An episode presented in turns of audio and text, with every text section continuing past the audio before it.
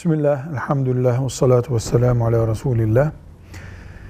Geçen senelerde vacip olduğu halde kesilmeyen bir kurbanın bu sene kesilmesi diye bir şey yoktur. Kurban bayramının üçüncü gününün akşam namazı oldu mu kesilmeyen kurbanlar kesilemedi demektir. Kazası vesairesi yoktur. Fıkıh kitaplarımızda o sene ortalama bir kurban kaça kesildiyse o kadarın o kadar paranın sadaka olarak verilmesi mümkündür diye bir fetva vardır sadece. Mesela bu sene insanlar 500 liraya bir kurban kestiler ortalama bir rakamla.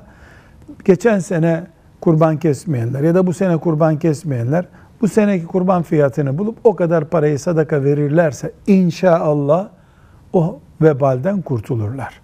Velhamdülillahi Rabbil Alemin.